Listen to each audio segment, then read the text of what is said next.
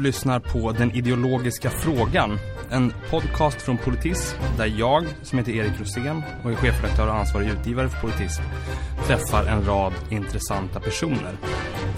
Det är opinionsbildare och politiker både till höger och vänster som gästar mig för ett samtal som inte nödvändigtvis handlar om dagsaktuella frågor.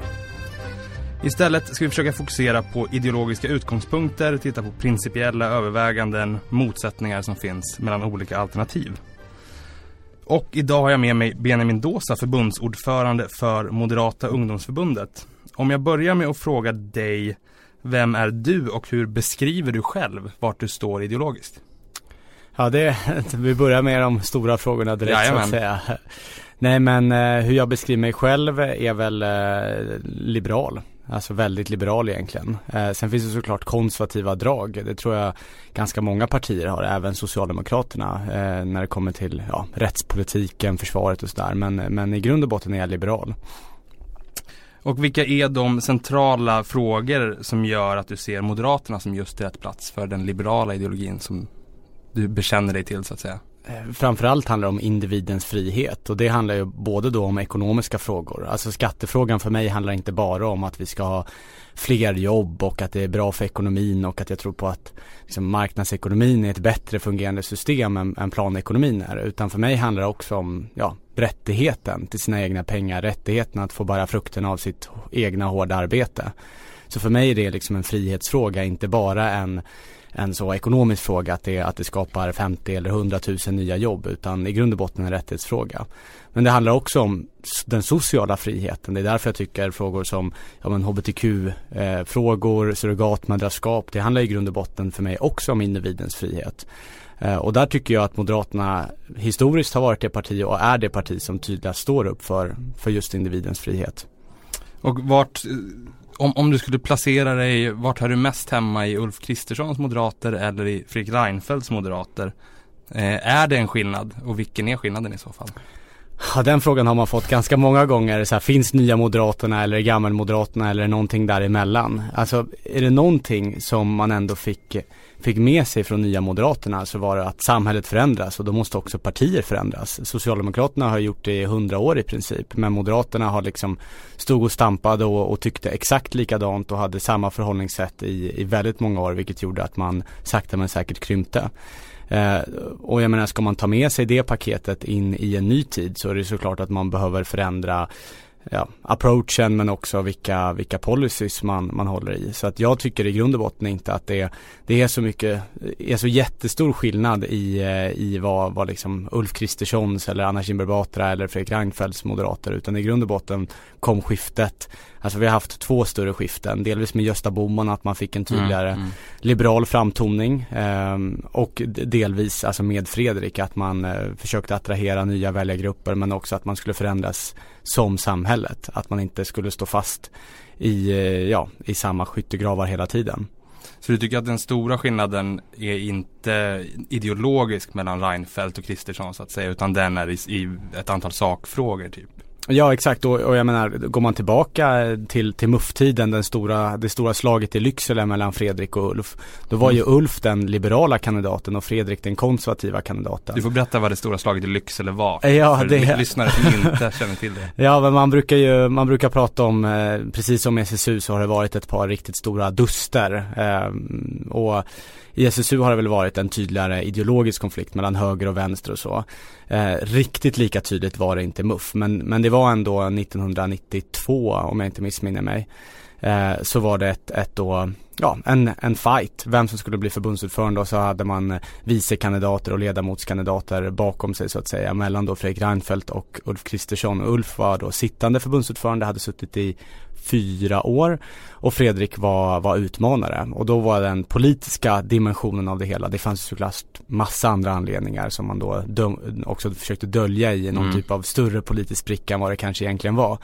Men då var Ulf den, den liksom nyliberala, klassiskt liberala kandidaten eh, medan Fredrik var den liksom pragmatiska, konservativa kandidaten. Mm. Eh, och nu är det ju inte riktigt den bilden man har av, av de två personerna där, där Fredrik kanske framstår mer som den liberala, socialliberala personen mm. och statsministern och partiledaren medan Ulf kanske är mer liberal konservativ och konservativa drag. Så att i grund och botten så tror jag också att de här skillnaderna mellan liberaler och konservativa är ganska gravt överdrivna. Att när man väl, det är klart att man har ett ideologiskt paket med sig in i olika sakfrågor. Men när mm. det väl handlar om olika sakfrågor, det kan vara tuffa frågor som migration och tiggeri och sånt också. Så hamnar man ofta väldigt, väldigt nära varandra. Eh, så det är därför hela den här, alltså media kanske har försökt eh, en vild media försökt sätta om att det skulle vara så enormt stora skillnader mellan liberaler och konservativa. Den skulle jag säga är ganska överdriven. Men finns det inte en risk, om jag tittar både till vänster och till höger, tittar på Socialdemokraterna inte minst, men också Moderaterna då. Finns det inte en risk att det, att det kommer en konservativ vind nu, att den kan tränga ut en del av de liberala eller om jag säger, åtminstone säger frihetliga värden. Jag tycker att man ser en sån utveckling i båda de stora partierna, eller båda de största partierna.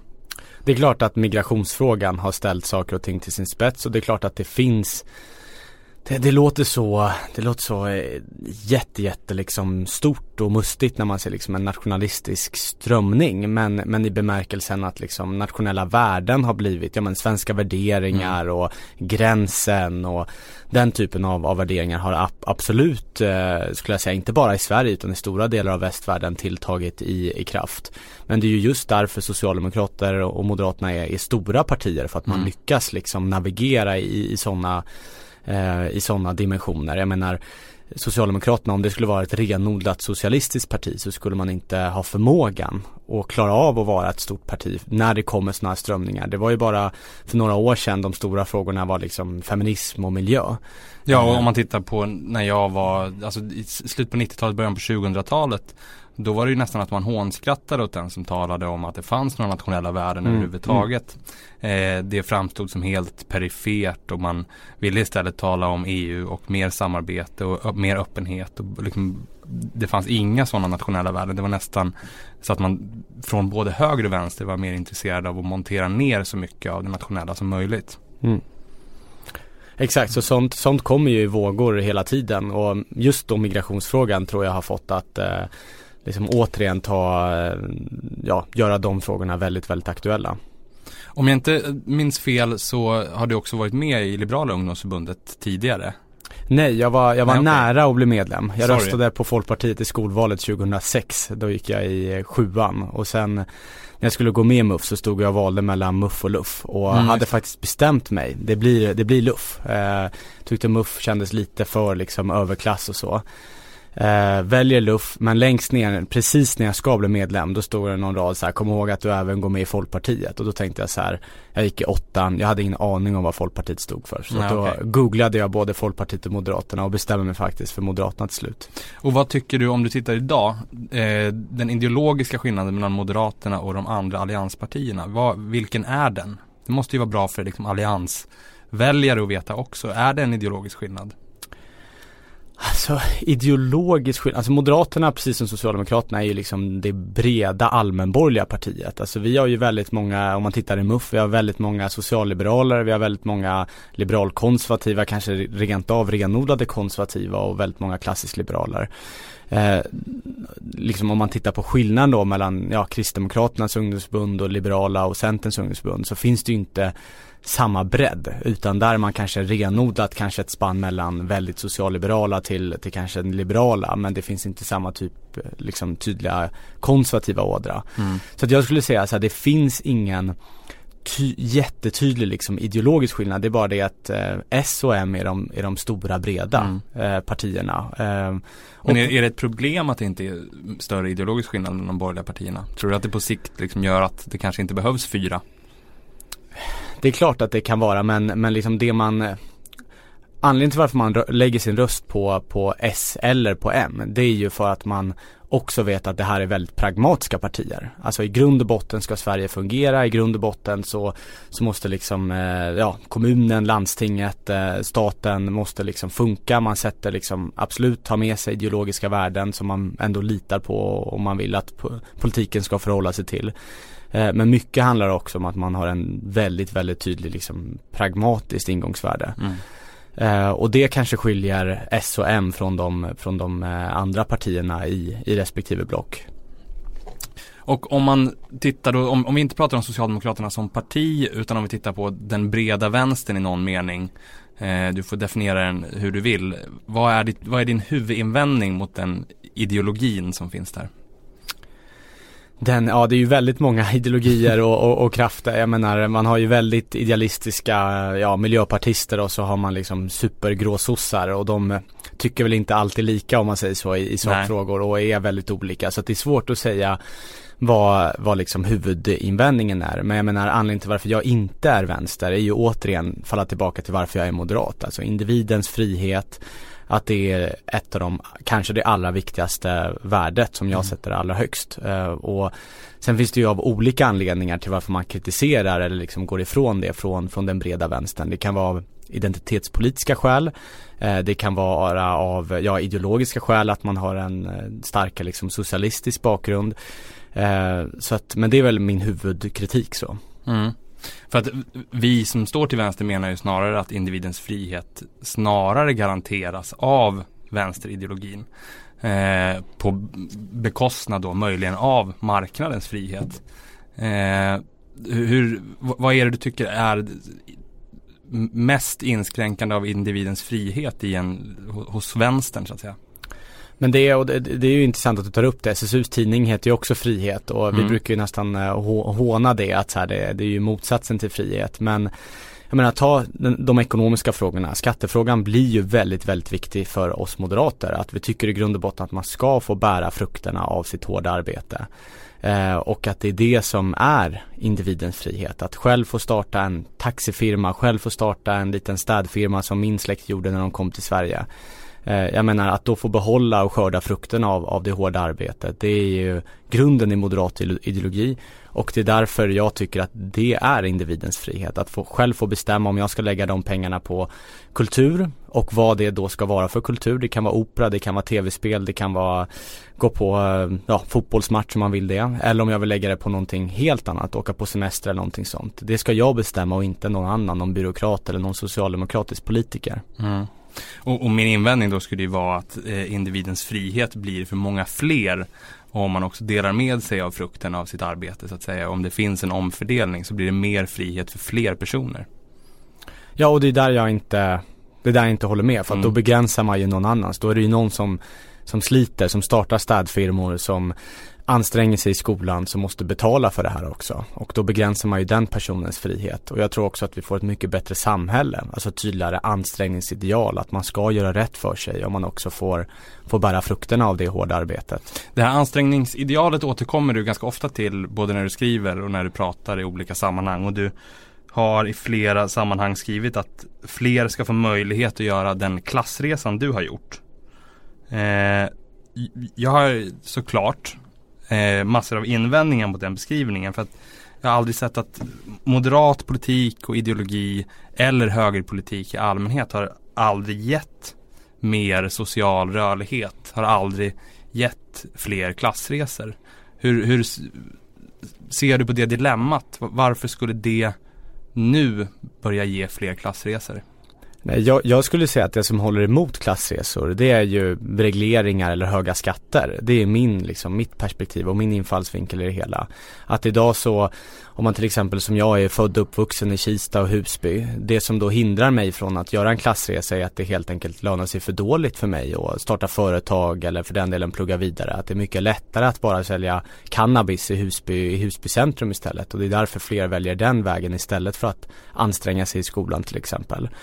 Ehm, och att eh, om man då kommer in på till exempel sin drömutbildning i sig Lund eller Uppsala eller Göteborg, Stockholm om man inte kommer från, från någon av de orterna så är det statliga regleringar som då hindrar människor att flytta dit för att det är alldeles för svårt att bygga studentbostäder till exempel. Så att det här kommer igen skulle jag säga men att det är liksom det statliga täcket, det statliga, den statliga byråkratin som lägger sig som ett täcke över liksom människors förmåga till att göra klassresor. Mm. Jag har, ju, jag har också gjort, precis som du, en, en klassresa väldigt mycket och, och i mitt fall skulle jag säga att den har möjliggjorts nästan enbart av omfördelningspolitik, av det som är utskällt som är bidrag, som är förtidspensioner, som är sociala insatser och så vidare. Eh, och, och jag har naturligtvis med mig den erfarenheten eh, och, och är därför väldigt övertygad om det. Men jag tycker också att det finns stöd i all, när, när man tittar på liksom fakta på bordet och forskning så är det ju större social rörlighet i mer jämlika samhällen än i mer ojämlika samhällen. Och moderat politik leder ju obönhörligen till mer ojämlika samhällen. Jag, jag, jag förstår varför man argumenterar för ett mer ojämlikt samhälle utifrån en moderat utgångspunkt. För att man tänker sig att det då ska löna sig, det ska finnas incitament, det ska vara trigga en till att anstränga sig mer och så vidare. Men jag ser inte att det har gett utväxling. Jag ser inte något exempel på något land eller samhälle eller under i Sverige där det har gett mer social rörlighet. Det kan ha gett andra saker. Men det har inte gett fler klassresor. Hur ser du på den invändningen? Ja, jag, jag håller ju inte med om man tittar på till exempel den sociala snedfördelningen till högskolan. Alltså om man då ska förklara det, alltså att människor med socioekonomisk utsatt bakgrund och inte liksom, idag har vi ju i Sverige att absolut det är, det är möjligt, man får till och med betalt för att plugga vidare. Så är det ju ändå så att det framförallt är liksom övre medelklassens barn som pluggar vidare. Och där sticker vi ju ut även i förhållande till, vad ska man säga, mer marknadsliberala, mer kapitalistiska länder. Eh, så att jag, jag skulle säga att det, det, liksom, det finns inte de tydliga empiriska beläggen för att ett, ett samhälle som Sverige skulle göra att eh, liksom klassresorna blir, blir, eh, blir, blir fler här. Du menar att, att i mer marknadsliberala länder så är det fler från arbetarklassen som når högre utbildning? Ja. Och i vilket, vad tänker du då på för land till exempel? Nej men det finns länder som, ja men till exempel Australien, Kanada eh, är två tydliga exempel eh, som ändå är mer eh, marknadsorienterade än vad, vad Sverige är i dagsläget. Där ändå fler från liksom, traditionell arbetarbakgrund pluggar vidare. Eh, och är, det inte tvärtom så att just, du sa man får betalt för att plugga, att vi har möjligheten till gratis utbildning och till att man får en okej okay ersättning eller lån i alla fall och lite bidrag medan man pluggar som möjliggör just för klassresor som gör att personer som du eller jag kan plugga istället för att bara personer som har råd att betala de här kostnaderna kan plugga. Alltså det, det man ser eh, i, i en internationell kontext är att det liksom finns inte sådana tydliga belägg. Jag tror att det framförallt beror på att avkastningen på utbildning, alltså hur mycket man tjänar på att faktiskt plugga vidare, är mycket, mycket, mycket lägre i Sverige på grund av höga marginalskatter än i väldigt många andra länder. Alltså att om man om man i Kanada verkligen vill göra en, en klassresa, ja då pluggar man kanske till ingenjör och då får man rejält med avkastning, då får man rejält betalt också när man väl har, har tagit den utbildningen. Eh, medan tar man den typen av utbildningar i Sverige så tar det väldigt många fler år innan, innan det lönar sig helt enkelt att plugga i fyra och ett halvt eller fem år. Eh, så att jag skulle säga att det är den främsta anledningen till, till varför liksom, den, den sociala snedfördelningen till högskolan är så stor ändå i Sverige som den är. Trots att man får betalt, trots att det är liksom skattefinansierat att, att plugga vidare.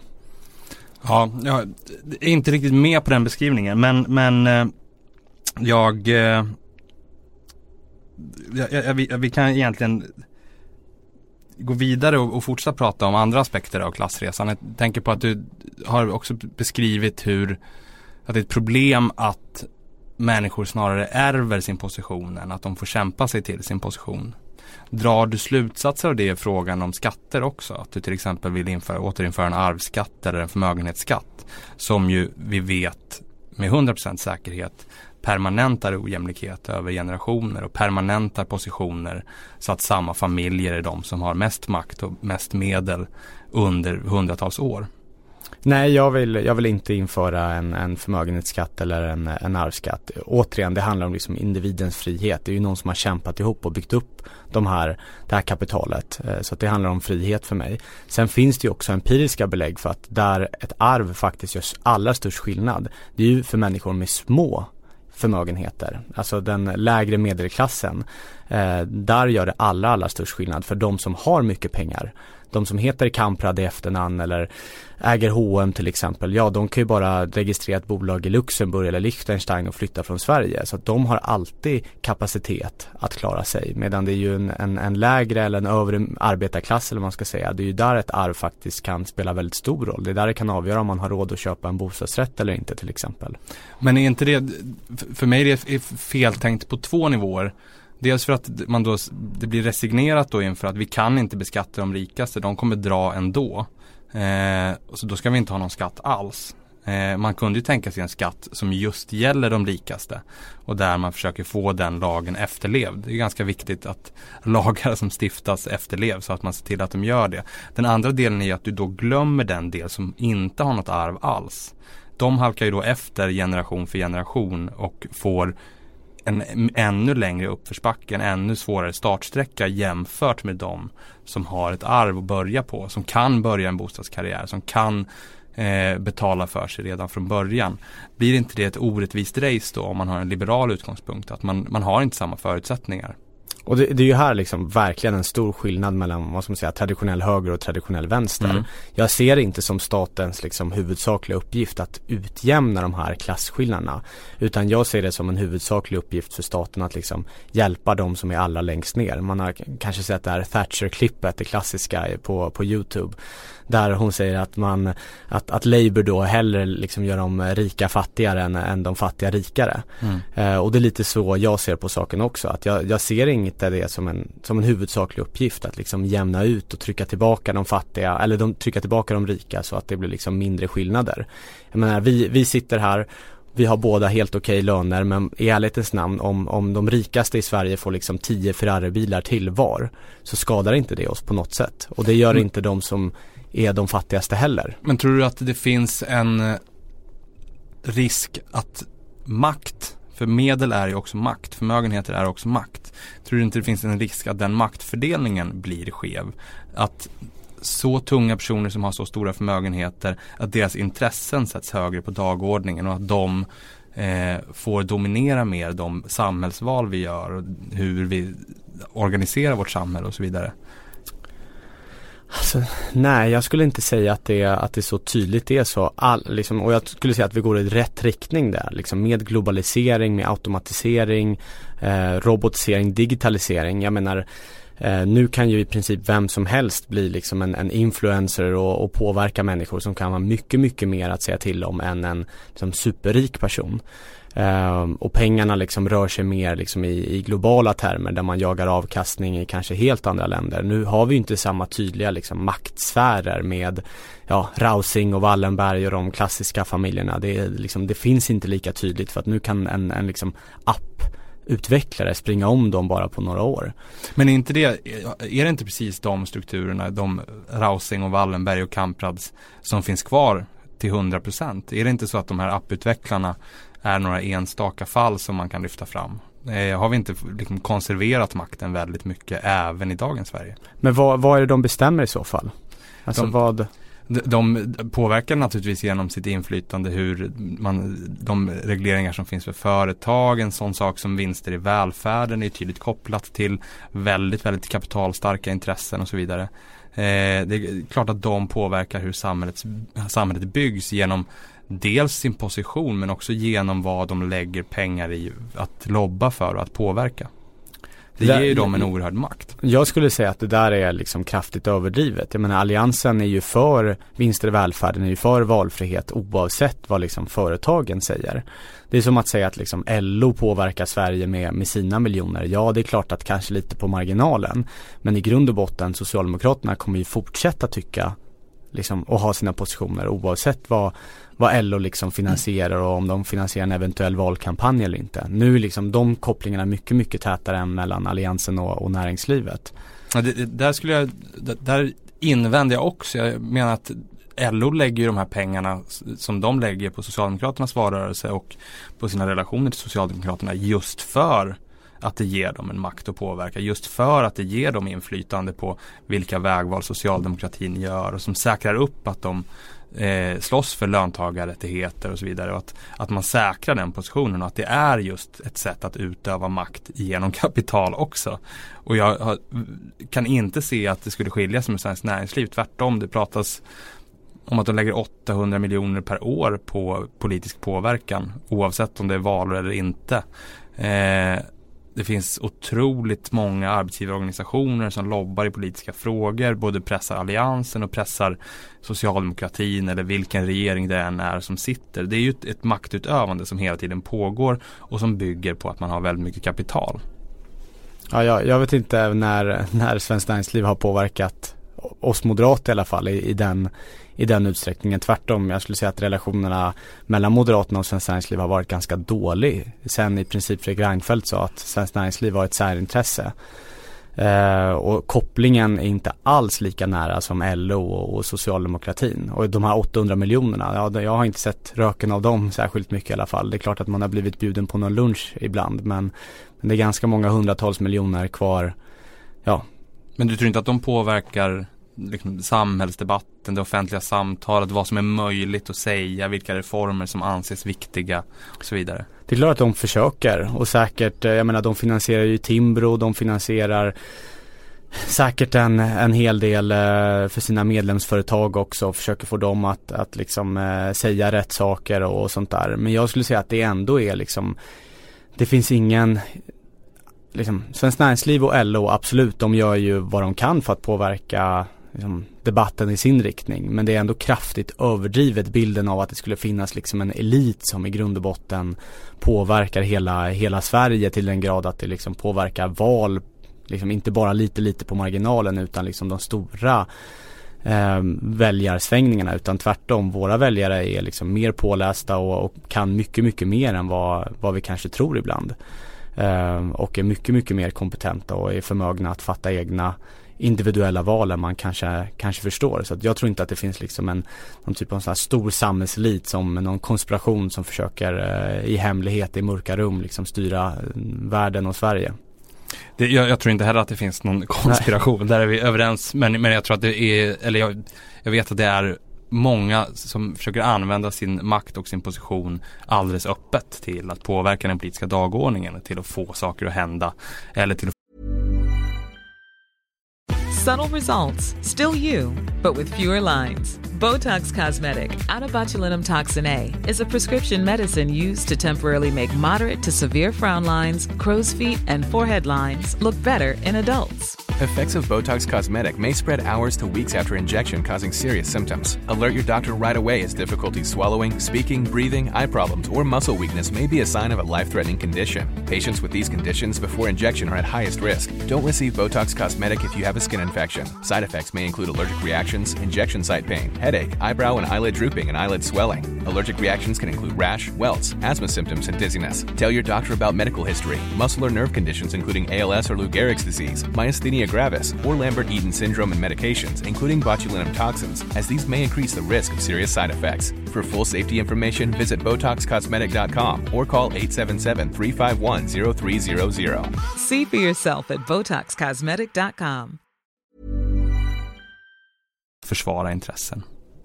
Eh, men när vi pratar om, om de som har att, att ha kapital eller att inte ha kapital eh, och då, det, de intressen man får utav det. Om vi tar ner det på en, säg en, en vanlig människas nivå och om jag tar ett exempel bara för så får du säga om du tycker att det finns ett problem med det eller inte. Om, du till om, om jag bor i en bostadsrätt i Hägersten säger vi, i Stockholm. Eh, och sen så får jag veta att jag, jag, har, jag har lån på den och jag har inte stora marginaler. Jag har inte råd med att värdet på bostaden sjunker så mycket. Sen bestämmer sig den politiska majoriteten för att vi ska bygga hus här. Vi ska bygga hyresrätter. Eh, och man vill lyssna in medborgarna. Då blir mitt privata intresse att värna värdet på min bostad. Och då blir jag därför negativ till att ha det här hyreshuset som står bredvid och skymmer utsikten. Finns det ett problem med den typen av intressen som skapas av ägande och som skapas av det här kapitalberoendet? Alltså det är ju, det är ju självklart liksom utifrån den personens eh, perspektiv helt rätt. Alltså att man agerar på det sättet. Ja, visst, det är logiskt. Det är man, absolut, har, man, har inte, man har inte råd att inte tänka så kanske. Nej, nej men precis, precis. Jag menar det är lätt för oss att sitta här och bara, ja men han, han eller hon borde liksom acceptera hyresrätterna och, och det är jättedåligt liksom. Men i grund och botten så hade man själv varit där så hade man kanske agerat på, på samma sätt om man riskerat att gå i personlig konkurs liksom och man kanske ska försörja en familj och lite sånt. Men här skulle jag säga att det, det stora problemet är ju liksom detaljplanmonopolet. Alltså hur man, hur man liksom, hur politiker har rätt att bestämma vad som ska byggas, när det ska byggas, hur det ska se ut. Det är det som är liksom kärnproblemet för att det finns ju precis sådana här historier, både med bostadsrättsägare men också med liksom hyresgästföreningar som motsätter sig byggande. För att jag menar det är ju inte bara de, det är inte bara bostadsrättsägare som marginellt kan få vad ska man säga, ett sämre liv av att det byggs. Det kan ju också vara att du har en hyresrätt med, med liksom sjöutsikt och har, som trivs jättebra mm. där och så ska det byggas, det kan vara vad som helst, bostadsrätter, hyresrätter men där hela din liksom, utsikt över vattnet blir, blir skymd och som också men, med men, näbbar och klor. Men du är med på att det här är ett, ett, eh, en fråga där ett tydligt samhällsintresse kan stå rakt emot individens materiella intresse? Ja, ja, och det finns ju, det finns hur, ju massa sådana. Hur, hur löser man det dilemmat? Vad är viktigast? Det jag skulle säga det är vem äger marken där det ska byggas. Mm.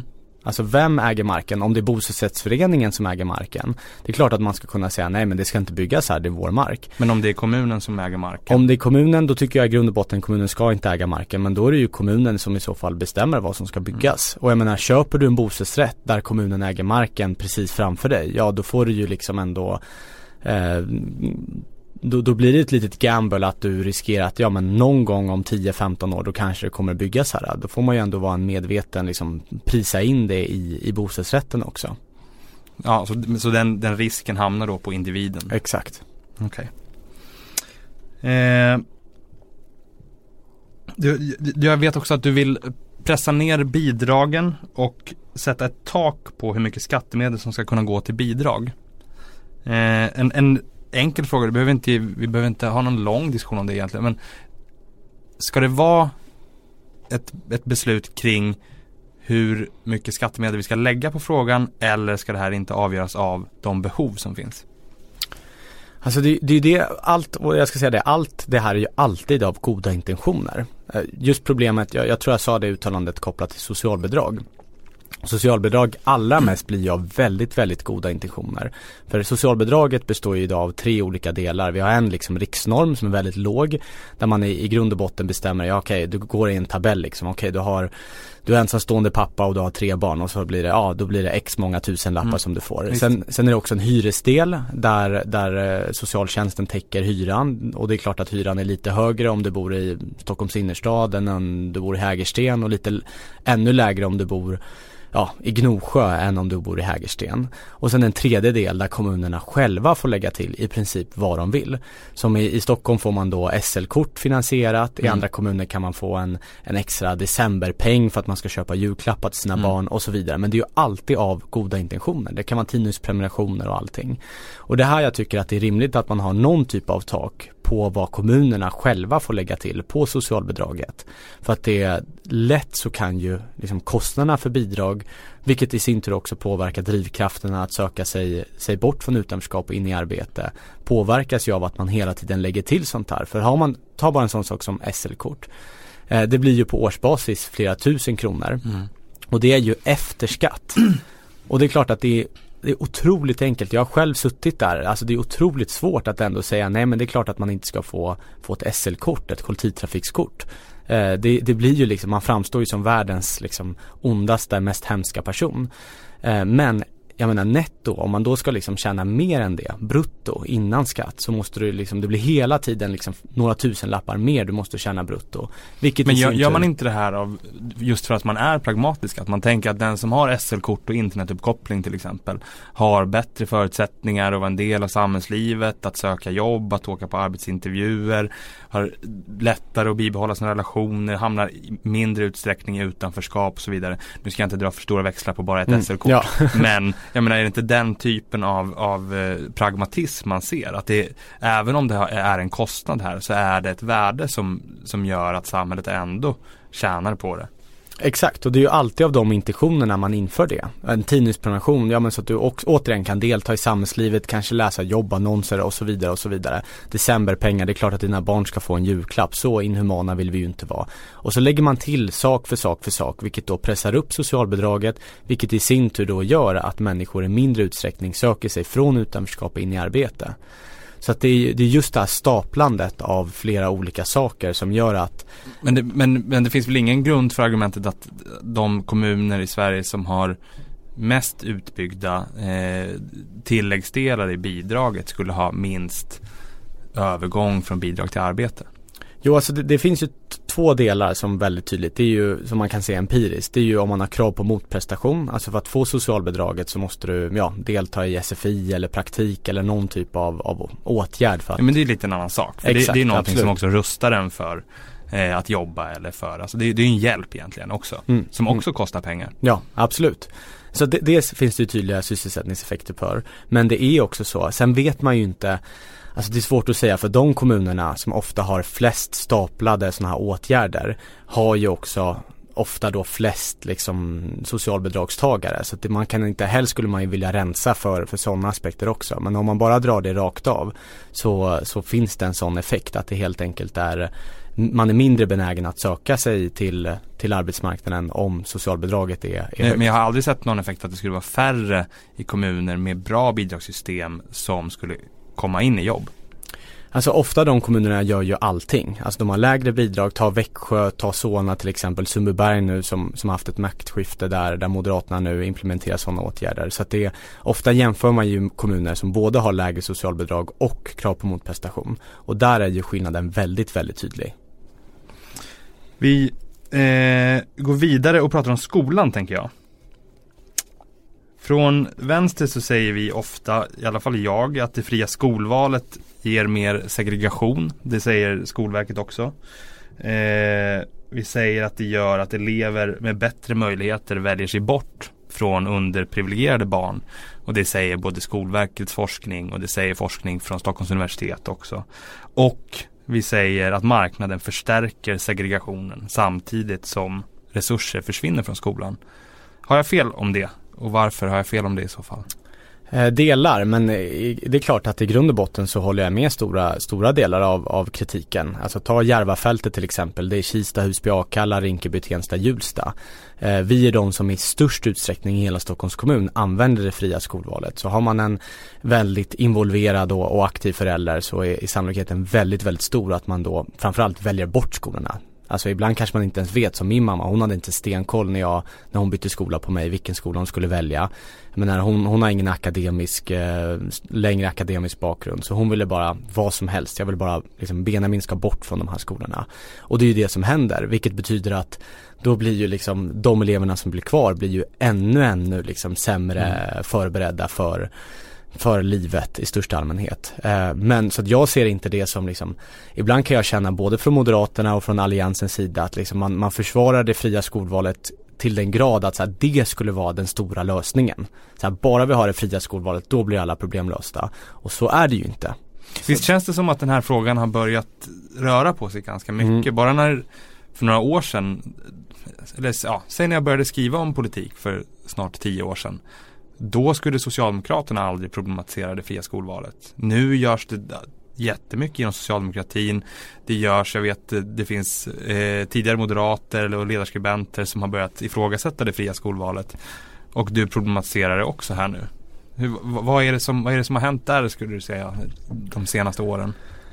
Nej men det är väl hela skoldebatten, att man, eh, jag tror rätt många känner att man har stått och stampat ganska länge. Alla ser att det finns tydliga problem men vi talar oss liksom inte framåt eh, och då vänder man på de de, de stenar som finns. Jag är ju fortfarande för det fria skolvalet men inte till den grad att så här, jag, jag intalar mig själv att det kommer lösa alla problem. Jag ser det som en sista livlina. Alltså det var sista livlinan på mig.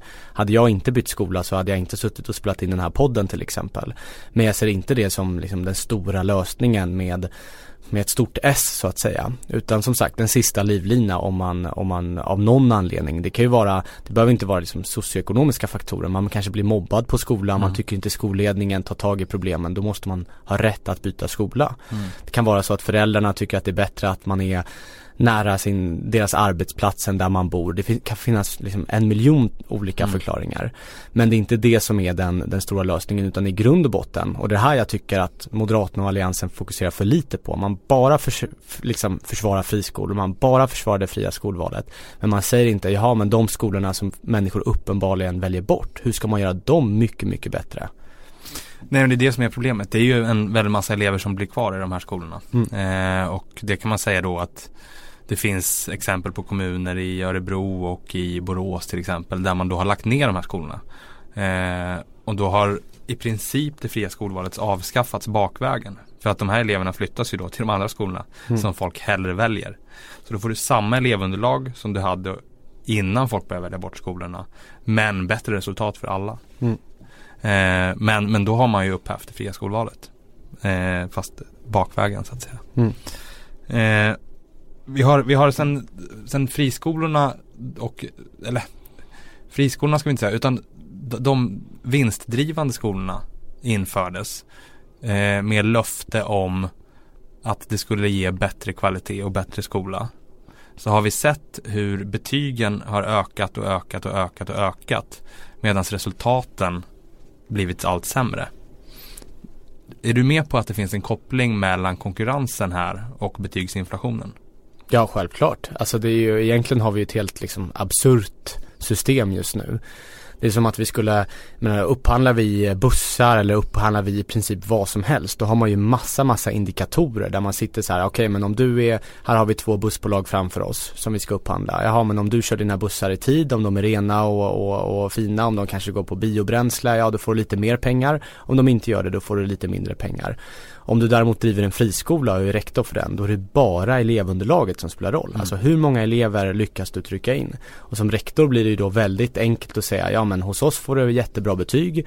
Hos oss en får gratis du dator. en gratis dator, du får ett SL-kort, du får liksom eh, bra mat, du får eh, rikskuponger på, på, på McDonalds här i närheten och så bara gör man allt för att locka till sig elever.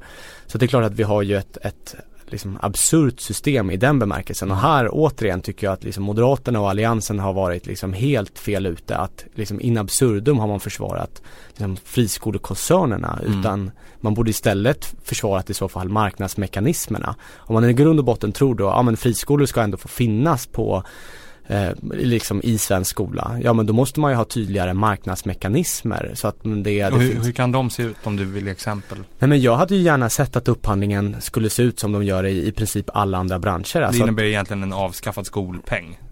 Ja, eller en liksom reformerad skolpeng mm. i alla fall. Att istället för att bara baseras på liksom antalet elever, att det finns olika typer av, av kvalitetsindikatorer där. Ja men till exempel om man då skulle tänka sig att ja men resultat i nationella prov och då skulle ju såklart någon annan än den egna läraren och den egna skolan behöva rätta de proven för att annars skulle man ju bara sätta glädjebetyg där. Mm. Man skulle ju vilja ha någon typ av socio socioekonomisk effekt eh, involverad. Jag vet ju att Engelska skolan till exempel mäter på individbasis och tar hänsyn till det här. Om man skulle kunna skala upp det jag vet inte exakt hur det skulle se ut i praktiken. Men att man helt enkelt, ja du får mer pengar om du, eh, om du är en elev från, från Rinkeby eller Tensta eller den typen av områden. Eh, och du får då också baserat på liksom vilken, vad ska man säga, eh, resultatskurva du gör. Så att, att gå från ett F till, till liksom att du klarar dina betyg, det kanske ska göra liksom att du får ännu mer pengar än någon från Danderyd går från B till A. Eh, så hade jag gärna sett så att man mm. får behålla Men här dem. sticker du ju ut lite i, inom alliansen får man ändå säga. Mm. Är det, är det i, i hela MUF så eller är det här mer att det här är Benjamin Dåsas funderingar? Nej jag har faktiskt drivit igenom det här. Jag började när jag var ordförande för Moderat skolungdom. Så drev mm. vi igenom det här och nu tycker faktiskt hela förbundet det. Men det är klart att det var väldigt många som var, som var kritiska till förslaget och tyckte det var djupt orättvist mm. och att vi skulle försvara friskolekoncernerna till, till varje pris. Mm. Och om, om man då tar, nu kanske du är med mig på det här men jag, eh, jag känner en del lärare och jag känner en lärare specifikt som jobbar på en av de stora koncernerna.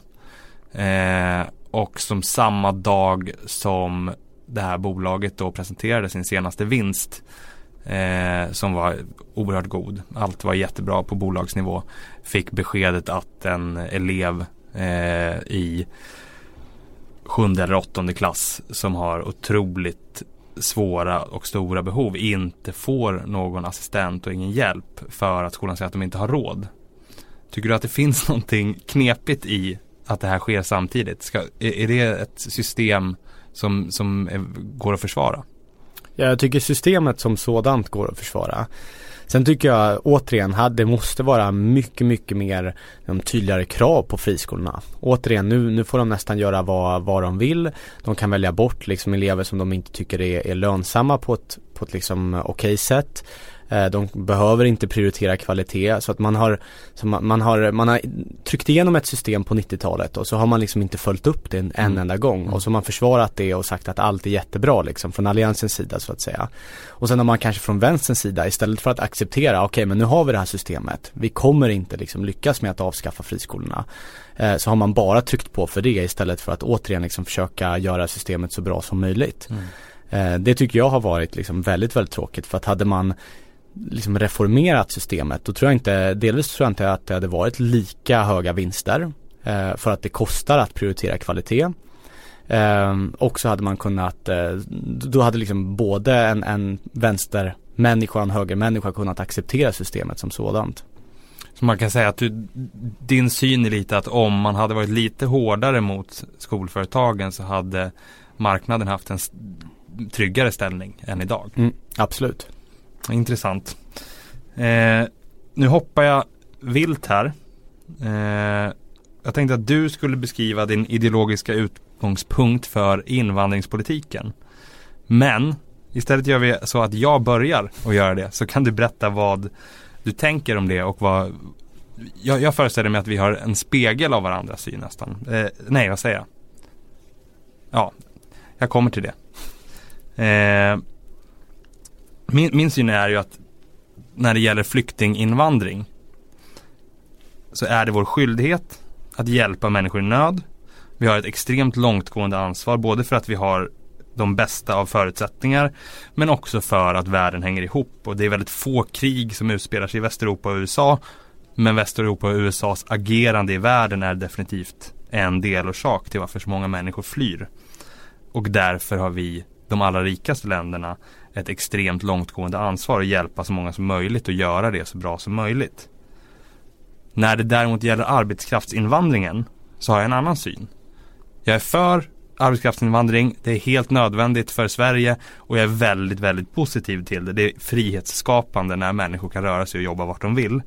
Men eh, jag tror mer på regleringar där för att jag tror att det är legitimiteten i systemet ifrågasätts mycket mer där om arbetskraftsinvandring till exempel används för att pressa ner löner eller för att dumpa arbetsvillkor och för att konkurrensutsätta människor på en marknad genom att buda så lågt som möjligt. Därför är jag positiv till arbetskraftsinvandring men den måste ha skarpa regleringar av de fackliga rättigheterna och av arbetsvillkoren. Min, min bild av dig, min fördom om dig är att du tycker lite tvärtom. Att arbetskraftsinvandringen, där är det bara att köra på. Men flyktinginvandringen, där ska vi vara mycket strängare. Och nu ska jag försvara ja, mig precis. själv. så att säga. Nej men jag, jag tycker i grund och botten, alltså Oavsett om det är liksom asyl, anhörig eller, eller arbetskraftsinvandring så tycker jag att Sverige ska vara ett öppet land. Alltså jag tycker att på samma sätt som jag inte tycker att politiker ska bestämma vilken skola man ska gå i eller vad man ska göra med sina skattepengar så tycker jag inte att byråkrater och politiker ska bestämma om man ska få komma till Sverige eller inte. Eh, så där, där är vi väl ganska nära i, i just den slutsatsen. Sen tycker inte jag att det finns liksom en, eh, att man har en, att staten Sverige har ett ansvar att försörja andra människor. Staten Sverige tycker jag inte har det ansvaret utan man som individ kan känna att man har det ansvaret. Till exempel under flyktingvågen 2015 så bodde jag fortfarande hemma med, med mamma och mammas sambo och då tog vi emot en, en familj, ensamstående mamma med, med två stycken flickor och det var liksom, givet att det var en familj och det var inte ensamkommande så att jag menar mamma fick ju inga pengar alls för det. Eh, och det är klart att liksom ja, matkostnader och sånt ökade mm. ganska lavinartat så att säga. Men vi kände ändå att det här är, det här är liksom vår skyldighet som, som människor på jorden liksom i Sverige. Um, så det kan man såklart känna. Men jag, jag, tycker att som sagt Sverige ska vara ett öppet land men eh, man ska som individ då inte få liksom tillgång till samma välfärdsutbud. Jag tycker inte att man ska eh, man, man kanske ska ersätta stora delar av bidragssystemet med ett lånesystem istället just för att kunna liksom eh, garantera att Sverige ska vara ett, ett öppet land. Jag tror folk stör sig på liksom, migrationskostnader, inte i grund och botten på att det kommer människor till Sverige. Men tror du inte att problemet växer då? För då blir det ju en ännu starkare segregation och ännu större klyftor mellan människor eh, om man inte inkluderar människor i välfärdssystemet och har olika villkor för olika människor som bor inom samma gränser. Det är klart att det kommer bli mycket större skillnader. Alltså det, och det tror jag man får, får acceptera. Men jag tror att det är bättre än att de liksom bor i, i Syrien och är mitt inne i ett krig eller Irak för den delen. Så att det är ju alltid, alltid relativt. Däremot om man får liksom tillgång till hela liksom den, den hårt arbetande svenskens välfärdsutbud från dag ett. Då tror jag inte att man kommer kunna vara ett öppet land. Det ser vi ju bara nu hur, hur tendenserna liksom, det går inte att bibehålla liksom öppenhet med, med fri tillgång till, till eh, välfärdsstaten Sverige. Och det är där, det är egentligen där det skiljer sig åt då, för jag tycker att välfärdsstaten ska vara öppen för alla som är och lever här. Eh, men där jag säger att eh, legitimiteten snarare hotas om man pressar ner löner och ökar klyftorna. Eh, Medan du säger att legitimiteten hotas om man inte ökar klyftorna. Det är en väldigt, eh, väldigt, väldigt tydlig ideologisk skillnad i alla fall. Mm. Men då måste du i praktiken vara för en ganska reglerad invandring, flyktinginvandring i så fall. För att det går ju inte att bara liksom fylla på med människor som hela tiden tar del av välfärdsutbudet. Jag, jag, är inte, jag är inte för en fri invandring och att Sverige ska som ensamt land ha fri invandring eller sådär. Men jag tycker att vi hela tiden ska arbeta för att ha eh, en så generös flyktinginvandring som är möjligt och jag tycker att vi ska göra det på EU-nivå naturligtvis och att det är de rika ländernas ansvar eh, att ta. Men jag, jag, jag, tror ju självklart inte att Sverige ensamt kan eh, vara liksom den enda kraften som står för det här. Naturligtvis inte. Men, men jag ser inga problem i eh, att utöka välfärdsstaten eh, och välfärdsfunktionerna och, och, låta den inkludera de som är nyanlända i Sverige och de som flytt till Sverige på bekostnad av till exempel större kapitalinkomster för de som redan har hundratals miljoner eller är miljardärer. Där tycker jag att det ligger i ett mänskligt intresse att göra den omfördelningen, ett, ett, ett rent humant perspektiv. Men jag tycker också att det ligger i om man nu ska tala om det, i nationens intresse. Eh, att det ger oss ett bättre land som helhet. Än att säga att visst kan vi ha, ta hit eh, flyktingar men då kommer de att få leva på en kopp ris om dagen. Eh, men jag återkommer till arbetskraftsinvandringen. Där, tycker du att det, hur tycker du att det ska finnas regleringar där när det finns risk att, eh, om det finns risk att svenska löner pressas ner av underbudskonkurrens och så vidare? Nej, jag, jag tycker att vi i princip ska ha helt fri arbetskraftsinvandring till Sverige. Och eh, tycker, ja, så här. Det gör du medveten om att det kan leda till att vanliga, vanligt folks löner pressas av eh, låglönekonkurrens då eller är det Ja och redan idag är man ju liksom, vi, vi är ju på en global marknad, Sverige är ett väldigt litet land. Redan idag kan ju ett företag flytta fabriker, stora delar av liksom rätt mycket tjänster till, till låglöneländer eh, som det är. Så att eh, just, just det argumentet skulle jag säga har liksom minskat i, eh, i, eh, i kraft eh, sen Sverige gick med i EU egentligen. Mm. För att det redan nu är så enkelt att bara liksom lägga ner en fabrik och öppna upp den någon annanstans. När det kom eh, det här, det som heter eh, utstationeringsdirektivet så var, kom det en diskussion från höger om att eh, vänstern var ogenerös som inte ville låta polska eller tjeckiska arbetare komma hit och konkurrera med lägre löner. Men då kom det ett gemensamt uttalande från fackförbunden i eh, det som kallas Visegradländerna. som jag inte vet på rak arm hur många de är men jag tror att det är sju eller åtta. Bland annat Polen, Bulgarien, Tjeckien, Slovakien. Eh, där de just sa att nej vi vill absolut inte användas eh, som ett argument för låglönekonkurrens. Tvärtom vill vi konkurrera med våra färdigheter och med vår kunskap. Inte genom att vi har ett lägre pris på vårt arbete. Eh, det tycker jag är ännu ett starkt argument för att man måste värna den delen. För att det är ju allas löner som pressas ner då av den konkurrensen. Och min, en, en huvudinvändning är att jag tror att den frihet och den rörlighet som du värnar för arbetskraften den är ju hotad om det blir en låglönekonkurrens.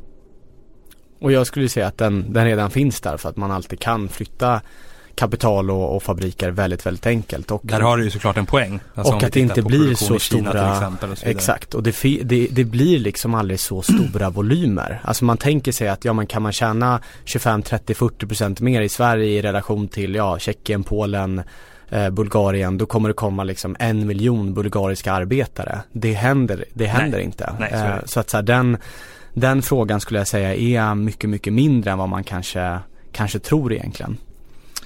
Eh, jag ska inte prata med dig jättelänge till men jag tänkte att vi avslutar med en liten fråga. Klimatfrågan. Mm. Eh, eh, jag är ju en förbudsivrare av rang när det gäller klimat. Jag tror inte att vi kommer åt klimatförändringarna tillräckligt snabbt utan extremt hårda regleringar, tydliga ramar och en rad förbud för vad man får släppa ut, vilka drivmedel som får användas och hur eh, i vilken utsträckning de får användas och så vidare. Jag tror inte att marknaden kan lösa problemet. Ingenting tyder på det. Eh, och jag tror inte heller att det går att binda sig vid tron på evig tillväxt utan avbrott. Hur, hur löser vi den om jag har fel? Men eh, delvis så håller jag väl med i form av att det är klart att en, en eh, helt oreglerad marknad eh, skulle inte klara av att göra det. Det tror jag definitivt inte utan det måste finnas jag menar mekanismer som ändå gör att, att det kostar att släppa ut, att det kostar att förstöra för oss alla så att säga. Annars kommer de liksom egna drivkrafterna driva på för att man helt enkelt bara maxar sin egen vinst och gör så att alla andra för, förlorar på det helt helt så. Sen tror jag i och för sig man inom ramen för ett marknadssystem kan införa olika typer av, av kvoter, handel med utsläppsrätter till exempel. Det tycker jag, nu, nu kanske man kan absolut ha en diskussion om de här eh, utsläppsrätterna är för många men jag tycker att systemet som sådant är ganska bra egentligen för att då får ju den som är mest effektiv på att pressa, eh, ja, på att pressa ner liksom sitt miljöförstörande, den kan också tjäna väldigt mycket pengar på det och det är ett sådant system jag gärna vill se. Jag tänker ett, ett klassiskt exempel är ju annars freon. Det är ju, då, inför, då, då sätter man ju ett förbud. Eller om bly som förgiftar vatten och så vidare. Eh, är inte det en mycket enklare och rakare väg än att stimulera företag till att göra förändringar? Och vilka förbud tänker du? Det är klart att det är lätt att säga, ja men vi förbjuder bensin eller vi förbjuder diesel. Men det är ju hundratusentals människor som i sitt dagliga arbete i sitt dagliga liv är helt beroende av att ta bilen och hämta och lämna på dagis och åka till jobbet till exempel. Men om man till exempel skulle säga, jag säger inte att, att det är det bästa vi kan göra, men som, som teoretiskt exempel eller som hypotes, om man skulle säga att vi förbjuder, vi meddelar nu att det kommer vara förbjudet med all, alla bensindrivna bilar år 2028, om tio år säger vi. Är det inte snarare det som får marknaden att agera än eh, otydliga ramar där man säger att vi vill att ni helst, det vore bra om. Men jag, jag tror att det skulle vara mycket bättre att då säga att ja men eh, imorgon inför vi ett system där du betalar för hur mycket du släpper ut. Mm. Och så kommer ju biltillverkarna eh, och konsumenterna i grund och botten tänka, ja men då vill jag ju såklart köpa en bil som släpper ut så lite som möjligt. Mm. Uh, så det... Men du, då är du inte, då är inte vi så långt ifrån varandra i den här frågan som jag trodde. Nej. För du vill ändå att politiken går in och sätter ganska tydliga ja, regler och ramar. Absolut, självklart. Men, Men, du tycker inte att det kränker individens frihet? Eh, nej, alltså vadå, givet att eh, planeten är, alltså vadå, luften och, och vattnet finns överallt. Eh, finns det inga, liksom, finns det inga regler och regleringar så kommer de personliga drivkrafterna ändå vara att, ja men jag liksom, eh, jag maxar mina vinster och släpper ut för alla andra. Det är ju så liksom rent biologiskt miljön ser ut. Så att just den frågan. Så du vill inte då privatisera vattnet och låta de som är extra strävsamma ja. få ha vatten och sådär? det är klart att eh, rätt mycket vatten skulle man kunna privatisera men, men i dagsläget så ser jag att privatisera Atlanten imorgon, eh, då tycker jag att det är rimligare att införa någon typ av utsläppshandel både på ja, det man släpper ut i, i luft och vatten och, och så vidare. Och jag tror också att teknikutvecklingen med de drivkrafterna kommer, kommer ta oss i rätt riktning. Ja, men då, då behöver vi inte då behöver vi inte avsluta så långt ifrån varandra helt enkelt. eh, du ska ha ett jättestort tack för att du kom hit. Det var väldigt intressant att lyssna på dig. Tack för att fick komma hit.